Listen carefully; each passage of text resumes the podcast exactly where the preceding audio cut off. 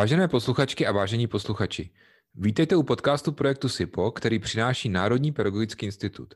Dnes na téma sledování uživatelů v e-mailech a na webu. Od mikrofonu vás zdraví Václav Maněna. Spolu se mnou je tu Pavel Matějček, odborník na kybernetickou bezpečnost. Pavle, vítám tě. Zdravím tě Václave a zdravím i naše posluchače. Dobrý den. Pavle, tradičně tě poprosím, abys nám řekl, jaké jsou aktuality z oblasti bezpečnosti.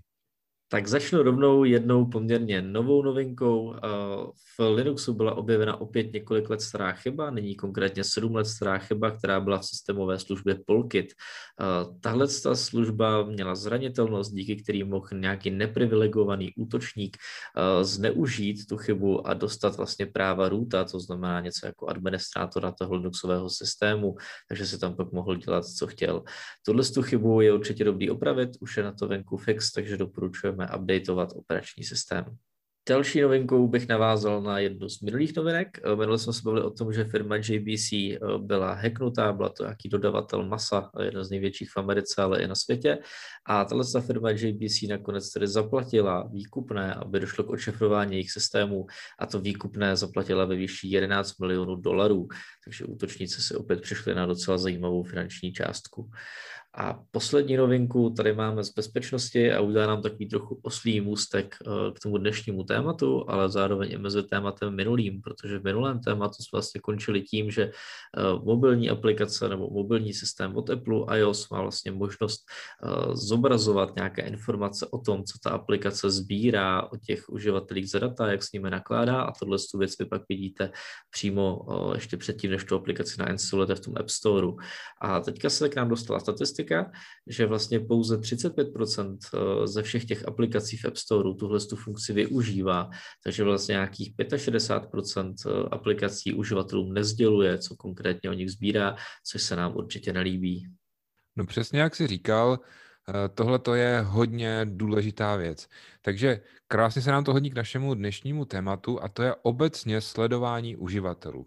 Eh, já bych začal něčím, co už je tady dle mého názoru opravdu jako několik let, hodně dlouho, ale řekl bych, že to trošičku bereme pořád na lehkou váhu. A to je sledování v e-mailech. Tak prosím tě, jak to je s tím sledováním v e-mailech a vlastně jak se to dá zneužít? To je právě ta zajímavá věc, že o tom sledování v mailech se zatím moc nemluví.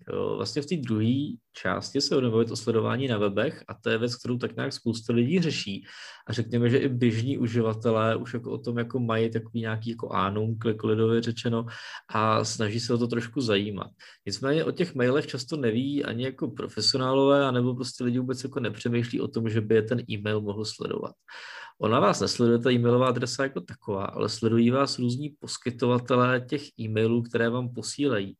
Uh, to znamená, že když máte nějakou firmu, která vám třeba posílá nějaký newsletter nebo vás nějakým způsobem jakoby uh, obeslat tím e-mailem, má tam nějaký mailing a vy jste vlastně odběratelem toho mailingu, tak tahle ta firma nějakým způsobem potřebuje vědět, jestli jste ten e-mail otevřeli, jestli jste se tam jako proklikli a na základě toho vlastně ona měří úspěšnost té kampaně, jestli ta e-mailová kampaň pro ně byla úspěšná.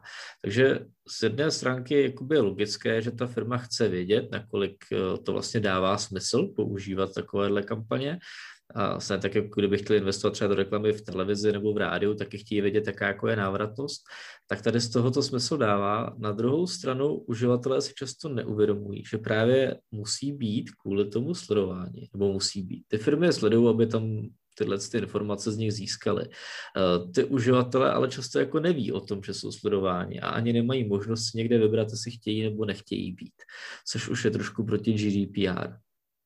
Takže to není takové to, co jsem třeba já znal dřív před, já nevím, deseti lety, eh, potvrzení o přečtení toho e-mailu, tak eh, vlastně to potvrzení, když ti to přišlo a ten klient to podporoval, tak ty jsi to musel jako odkliknout, že vlastně jako když ten odesílatel si vyžádal, že chce získat potvrzení o přečtení, tak tobě tam vyskočil nějaký dialog. A když to potvrdil, tak to teda přišlo zpátky. Ale Později to přišlo právě i do těch eh, e-mailových klientů, kde to jako úplně fungovalo bez toho, já si to pamatuju třeba z, právě z toho iOSu, jo, že eh, ty jsi nemusel vlastně jakoby žádat toho uživatele, komu to posíláš o akci, takže to taky funguje na základě těchto těch jako sledovacích pixelů, nebo to je nějaká jiná technologie? Tohle jsou právě ty sledovací pixely. Předtím to potvrzení o doručení fungovalo jako lehce jinak. Jo? To opravdu bylo jako tak, že se muselo potvrdit, a třeba v to tak nastavený jako pořád ještě mám, eh, že vlastně to chce potvrdit, že se ten e-mail jako přečet a jemu pak se teprve odešla jako ta odpověď, že ano. Jo? Tohle, co se týká toho sledování těch e-mailů, který chodí těma nejenom newsletterama, ale jakoby i jinýma mailama, třeba řekněme phishingovými nebo jakýmakoliv e-mailama, tak je to právě tak, že se do té grafiky nebo někam, třeba pod podpis, se sková takzvaný ten trackovací pixel. A to je prostě asi nějaký jenom malinký bod, jedenkrát jedna. Většinou to je obrázek, který je průhledný, tak aby nebyl vůbec vidět, takže i když se tam načte, tak ho vlastně jako fyzicky nevidíte.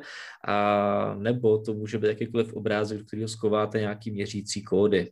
A vlastně funguje to tak, že ten mailingový systém toho provozovatele eh, do každého z těch e-mailů, který se posílá nějakému tomu odběrateli, to znamená vám konkrétně, tak vám tam přiřadí nějaký unikátní měřící kód a ten nacpe do nějakého toho obrázku. V momentě, kdy vám ten e-mail přijde a vám se načte ta grafika, tak se načte tenhle ten jako trackovací pixel a ten provozovatel potom ví, že se vám ten e-mail otevřel.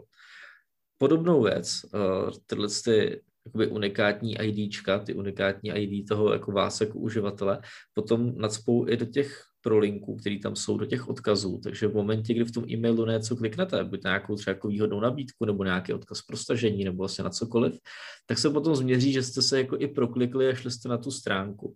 Takže oni pak samozřejmě jako jsou schopni doměřit uh, takzvaný open rate, kolik lidí vám to otevřelo, a takzvaný click, click rate, kolik lidí se pak i prokliklo z toho e-mailu, ten kam oni potřebovali. Jde se tomu nějak bránit?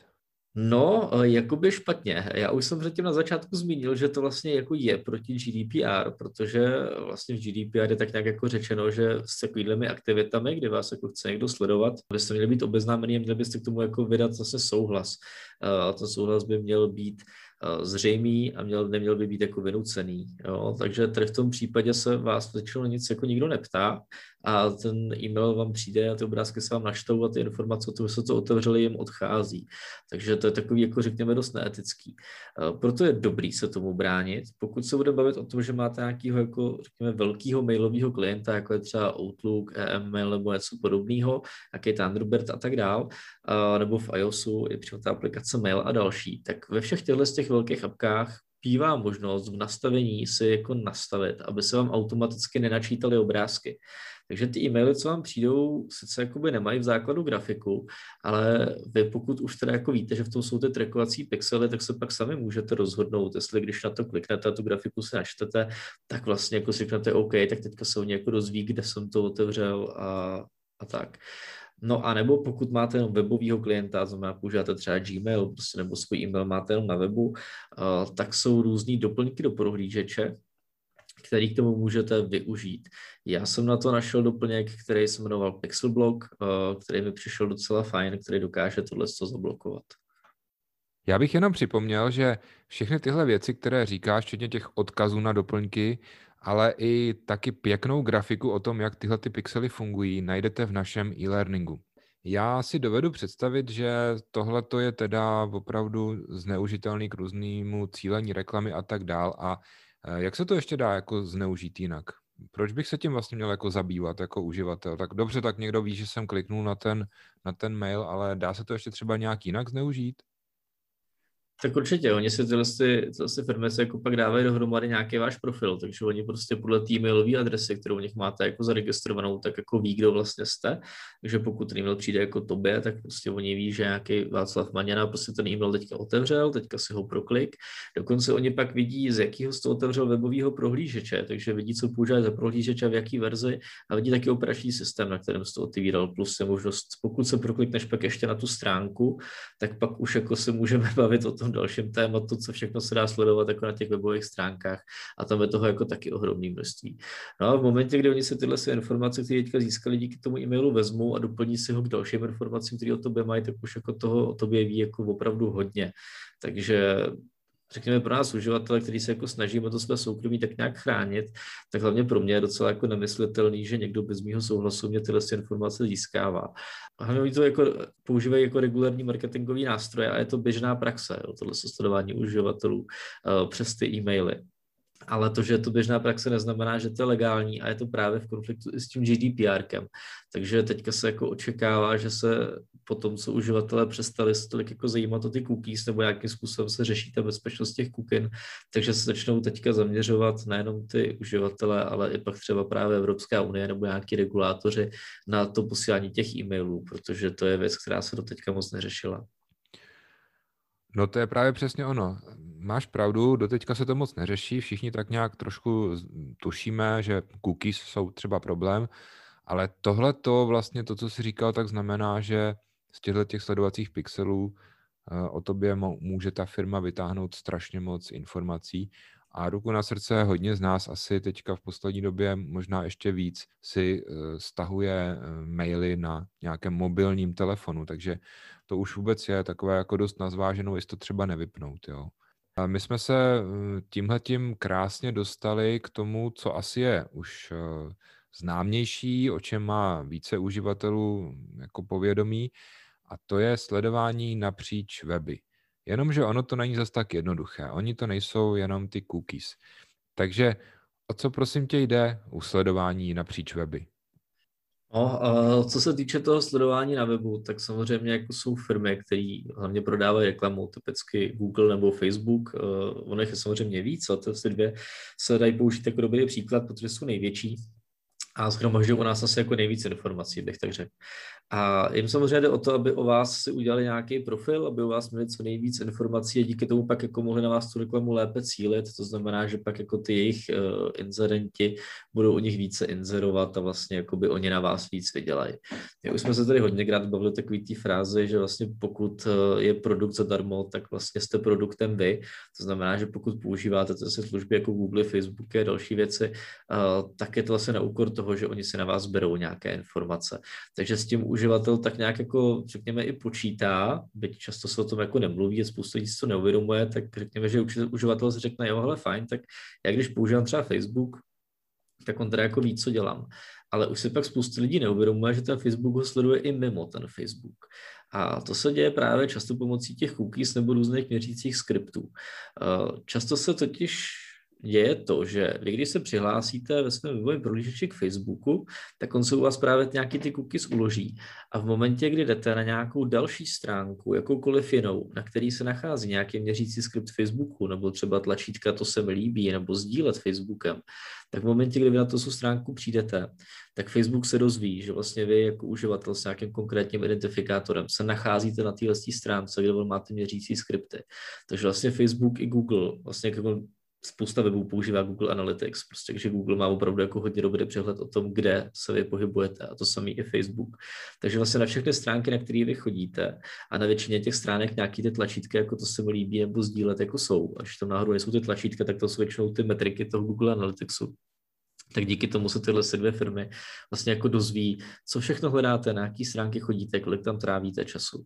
Plus se dozvídají spoustu dalších informací. Na základě jako toho, že na tu stránku vůbec přijdete, tak ta stránka je schopná jim jako vlastně nabonzovat, z jakého jdete počítače, z jakého geografického umístění, jakou máte nastavenou třeba časovou zónu, jaký máte operační systém, jaký tam používáte jazyk a tak dále.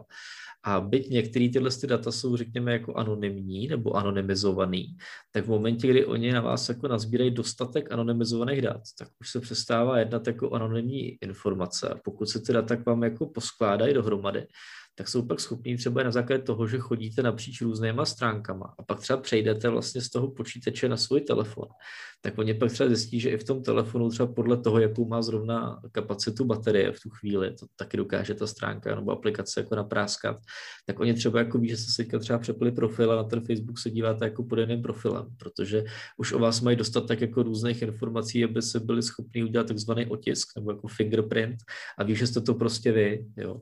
Takže to už je pak takový jako lehce strašidelný možná, ale jako dochází k tomu běžně, protože oni potřebují vlastně vědět, co kde děláte.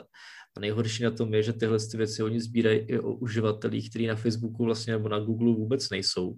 Takže vlastně v momentě, kdy vy tu službu použijete nebo se myhnete na nějaký ty stránce a oni vlastně neví, že jste uživatel Facebooku nebo Google, tak vám dočasně nějaký ID přiřadějí a pokud zjistí, že se pohybujete i na jiných stránkách a ta vaše aktivita je větší, tak vás prostě monitorují stejně jako ty svý uživatele. Takže eh, tohle je úplně až děsivý, co říkáš, ale je to pravda. Zkrátka jde o to, že z těch stovek malých detailů vlastně se udělá ten otisk toho uživatele, který je velice přesný. A vlastně když teda k tomu ještě připočteme všechny ty věci, o kterých jsi říkal, které nám poskytují ty mobilní telefony, tak pak opravdu lze toho uživatele identifikovat jako naprosto přesně. Jde se tomu nějak vůbec bránit? Nebo jde to nějak aspoň částečně třeba omezit? A ještě připomínám, že se pořád vlastně bavíme jenom o těch cookies. Bavíme se o cookies, bavíme se vlastně i o tom, že vůbec jako nemusíte mít žádný účet na Google, na Facebooku, aby vás to sledovalo. Jo. Pokud používáte tu Facebooku mobilní aplikaci, tak to samozřejmě jako tak nějak schromažďují data o vaší poloze a všechny jako možné další detaily.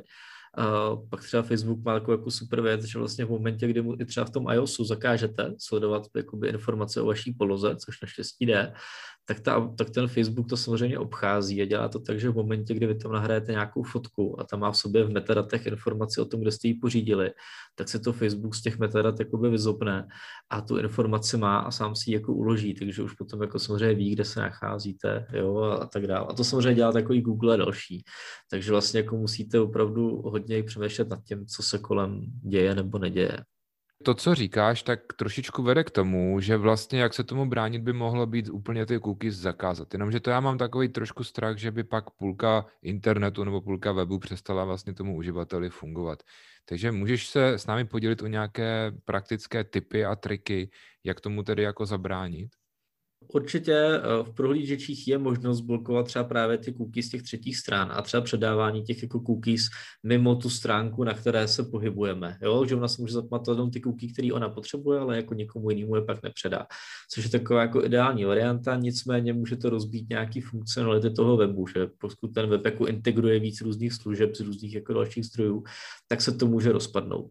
Právě u nás v tom uh, našem learningovém kurzu, když se podíváte na projektsipo.cz lomenou bezpečnost, tak tam najdete ty materiály a to, o čem se bavíme a je tam právě i návod, je tam obrázek na to, jak to třeba vypnout někde v Edge nebo Google Chrome a dalších prohlížečích. Takže jedna věc je jako povypínat tohle. Ale tím se pak neřeší ty trackery a další věci jako obecně. Tím vypnete vlastně jenom ty cookies, ale jako nevypnete a nedeaktivujete ty sledovací skripty, které jsou v těch stránkách nastrkaný.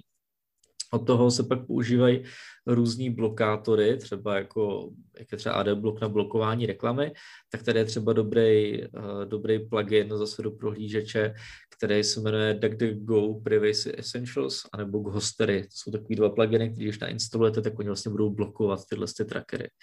Případně za mě jako úplně nejlepší možnost jako třeba nepoužívat i ten Google Chrome, protože ten samozřejmě o vás jako odesílá obrovské množství informací zase jako Google. Já osobně třeba používám prohlížeč Brave, o tom jsme se tady už dříve bavili a nebo teďka nově jsem objevil, jako reinkarnoval jsem prohlížeč Vivaldi, jo. takže třeba jako ten prohlížeč Brave, to je vlastně jako dobrý počin, který je vyvíjený už s tím, že sám v sobě blokuje všechny ty trackery, blokuje některé ty kukiny, ale tak, aby nerozbíjel ten web a zároveň se snaží jako udržet co největší anonymitu toho uživatele. Já jenom, aby jsme tady nevypadali jako nějaký šílenci odtržený od reality, tak připomenu, že všechny tyhle ty prohlížeče, které ty prakticky používáš, a není to jenom nějaká teorie, tak vlastně to vykreslovací jádro používají většinou jako z chromu, že jo? takže ten web se vám jako nerozbije, vykreslí se to tak, jak má, akorát tam zkrátka je to osekaný o tyhle ty různé jako záležitosti, které porušují vlastně soukromí uživatele. Je, je to tak? Je to tak, je to tak, všechno to vychází zase z toho jádra Chromia a z toho chromiového jádra si právě Google dělá ten svůj Google Chrome, který je obohacený o některé takovéhle jako vychytávky, které pak Google používá, díky kterým jako těží nějaký data. A vlastně, když Microsoft vlastně to udělal hodně jako podobně, ten vlastně si vzal to chromiové jádro, upravil si ho, dodal se tam zase svoje jako nějaký nástroje, jo, samozřejmě i dobrý, i nějaký asi měřící.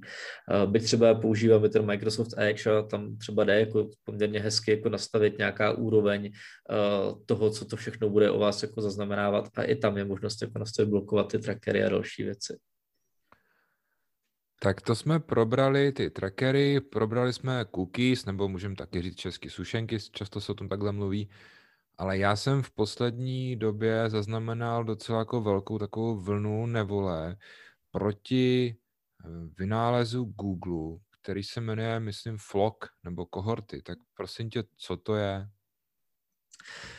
No, právě Google byl jako hodně popotahovaný za to, že díky těm cookies, a nebo jako nejen Google, jako, ale právě Facebook, a tak jsou jako popotahovaný za to, že díky těm nám dokážou jako schromažďovat obrovské množství informací prostě o těch uživatelích.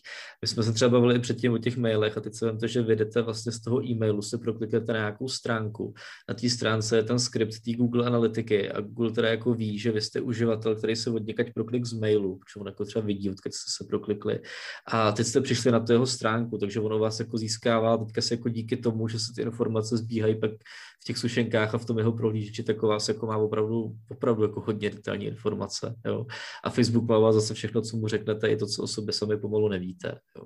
A tak vlastně Google, protože to byl popotahovaný a vlastně Evropská unie řeší ty cookies tak, že vlastně vydala nutnost, že každá stránka, která používá cookies, o tom musí těm uživatelům říct což je fajn, ale běžného uživatele to vlastně často jenom jako obtěžuje, jo? že vlastně všichni jenom odkliknou to, že souhlasím, protože buď jako téměř není možný se těch cookies vzdát, anebo pokud ano, tak ty uživatelé třeba jako vůbec neví, že ty cookies se můžou sledovat, nebo jim to úplně jedno. Jo? Ale protože vlastně se tím házejí Google klacky pod nohy a některý uživatelé ty cookies jako blokujou, anebo používají tyhle ty blokátory skriptů a reklam, tak Google jako vymyslel, nebo přišel s tím, že by zavedl něco nového a vymyslel ten systém FLOG, neboli česky překládáno jako kohorty. A jsou to jako ty kohorty, když to jako schrnu, tak je to nějaká jako anonymizovaná skupina. A mělo by to fungovat tak, že vlastně se ta služba, tak v tom případě třeba Google, jako nedozví, kdo přesně vy jste, měly by ty data, který on o vás jako nazbírá, být anonymizovaný, ale aby on mohl cílit tu reklamu na vás dobře a mohl ji dobře prodávat těm svým inzerentům, tak on si u vás udělá ten váš profil tak, jako ho dělá teďka ale nedělá ho konkrétně na vás, ale dělá ho na celou tu skupinu té kohorty. Takže prostě stejnou reklamu bude cílit nejenom na vás, nebo třeba jako na tebe, na Václava Maněnou, ale protože my dva máme třeba podobný zájmy, tak by jsme byli třeba součástí jedné kohorty. Jo? My dva plus dalších třeba 500 uživatelů s podobným zájmem. Ten podobný zájem si on jako nazbírá z toho, na co prostě koukáme na webu, takže pokud oba dva budeme, já nevím, teďka plácnu jako volit Piráty a oba dva budeme používat prohlížeč Vivaldy a oba dva budeme koukat na auta od BMW a další věci, tak on si řekne, hele, to jsou dva jako totožní uživatelé, téměř mají stejný zájmy, těm se dá zobrazovat stejná reklama. No, nicméně tenhle ten jako vynález, kdyby to vlastně jako vás částečně anonymizovalo, zní hrozně hezky, ale když se na to pak experti podívali zblízka, a přečetli si i nějaké vyjádření od Google k těm incidentům, tak z toho vlastně vyplynulo, že on Google na základě těch anonymizovaných informací je stejně schopný poskládat si dost přesně váš profil a teoreticky si, nebo teoreticky jako prakticky ve finále je schopný i asi zjistit, kdo jste, byť by to anonymní být mělo. A vlastně ta efektivita toho cílení na toho konkrétního uživatele je 95%. A pokud na vás něco cílí s 95% přesností, tak už mi to nepřijde jako úplně anonymizovaný. Takže vlastně proti tady té aktivitě, to používání toho floku, který už teď vlastně je nastavený v Google Chromu, takže pokud používáte Chrome, tak už se stáváte součástí nějakých kohort, byť zatím ještě fungují normálně ty cookies, ale tato volba už tam teďka má být zapnutá a už to Google v Chromu na svých uživatelích testuje, tak tady proti tomu se vlastně postavili vyhledávače jako Quant, DuckDuckGo, i všechny ty prohlížeče jako Vivaldi, Brave, Opera. Postavila si proti tomu i velké služby, jako je WordPress a GitHub. A, a dokonce snad, co jsem i slyšel nějaký teďka jako rumory, nemám to ještě úplně ověřený, ale snad i jako Microsoft se svým prohlížečem Edge prostě jako vydal prohlášení, že by tohle, že to podporovat nebudou a prostě Google nebudou vlastně dávat ty flokový data o těch svých uživatelích, že radši zůstanou od těch cookies. Takže vypadá to, že Google teda jako zkusil rozjet nějakou iniciativu, ale nebylo to všechno tak, jak bylo prezentováno na venek. Ukázalo se, že je to jenom taková obezlička, jako že dají lidem vlastně možnost nějaký jako pseudoanonymizace, ale v momentě, kdy konkrétně Google tohle se bude využívat, tak se k těm přesně datům dostane ty data, co by předával někomu jinému, by asi tak přesný nebyly, ale sám Google by to asi věděl jako moc dobře. No, a ty určitě mi zase poradí, když se zeptám, jak tomu hm, teda předejít, tak určitě mi řekne, že nemám používat Chrome, ale přece jenom ten Chrome je velice rozšířený prohlížeč a je velice populární mezi uživateli. Tak je nějaká možnost, jak se tomu bránit na tom Chromu? Určitě. Eh, v tom Chromu je možnost teda jako povypínat všechny možné synchronizace, ale to se z toho potom stává jako nepoužitelný nástroj. Takže pro ty běžní uživatele, kteří používají Chrome, kvůli tomu, že v něm mají jako všechny ty integrace s Google službama, tak by se to celé jako úplně rozpadlo. Takže to ani zmiňovat nebudu, na to se teda dají najít nějaký jako poměrně detailní a obskurní návody na netu. Ale pokud to chcete jako vyřešit nějak snadno, tak opět jako doporučuji podívat se na nějaké doplňky. Uh, typicky zase asi jako nejlepší a nejprůhlednější je podle mě ten DuckDuckGo Privacy Essential, který vlastně tím jenom, že si nasadíte jako doplněk do prohlížeče, tak bude blokovat jenom ty trackery, ale bude blokovat i to flokování, takže nebude to v tom Google Chromeu fungovat. Uh, plus pak samozřejmě si můžete podívat i po něčem dalším, ale za mě bych, za mě bych dal tip na ten DuckDuckGo. Pavle, já ti moc děkuju. A tím se dostáváme k slovíčku týdne, ale ono je to zase s tím slovíčkem trošku komplikovanější, protože oni jsou vlastně jako dvě. A to je opt-in a opt-out. Prosím tě, co to znamená a jak to souvisí s dnešním tématem? Ano, ano, my jsme to totiž dost možná nezmínili, ale v psaném textu v materiálech tenhle ten pojem u nás najdete. A vlastně v momentě, kdy vy se přihlašujete k odběru nějakého newsletteru, tak uh, vy musíte vlastně vyjádřit ten souhlas. A aby tomu bylo učiněno zadost, tak se to vlastně dělá, řekněme, dvěmi nebo třemi možnostmi. První je opt-in a to je vlastně takový proces, kdy vy jako zákazník si někde zaškrtnete, že máte zájem odebírat newsletter. Takže to je, ta, to je ten ideální stav. Pak je tady možnost opt-out a to je taková, jako řekněme, jako nehezká, nebo ji nemám moc rád. A to je tak, že vám ten poskytovatel té služby sdělí, že teď jste si tady založili účet a tím se stáváte třeba odběratelem newsletteru. A pokud se vám to nelíbí, tak si to můžete někde zrušit. Jo? Takže tím vlastně jako můžete uh, si pak jako deaktivovat ten newsletter. No, ale to, co Evropská unie většinou požaduje, tak aby byl splněný díky GDPR takzvaný double opt-in. To znamená, že to má jakoby dva kroky a v prvním tom kroku si jako ten odběratel uh, nastavíte, že vlastně jakoby chcete odebírat ten newsletter, přijde vám jako žádost na ten e-mail, kde to musíte ještě jednou potvrdit a teprve potom, co to potvrdíte, vám můžou ty newslettery začít chodit. No a tady na to by se pak mělo teoreticky navázat tím, že by se tam objevila informace i o tom, že vás budou přes ty e-maily sledovat. Ale to je hudbou budoucnosti. Tak nakonec těch slovíček bylo ještě víc. Pavle, já ti moc děkuju, loučím se s tebou a loučím se i s našimi posluchači. Taky sloučím s tebou Václavé a zdravím i naše posluchače. Naschledanou a zase příště. Tento podcast vám přinesl projekt SIPO. Na jehož financování se podílí Ministerstvo školství, mládeže a tělovýchovy a Evropská unie.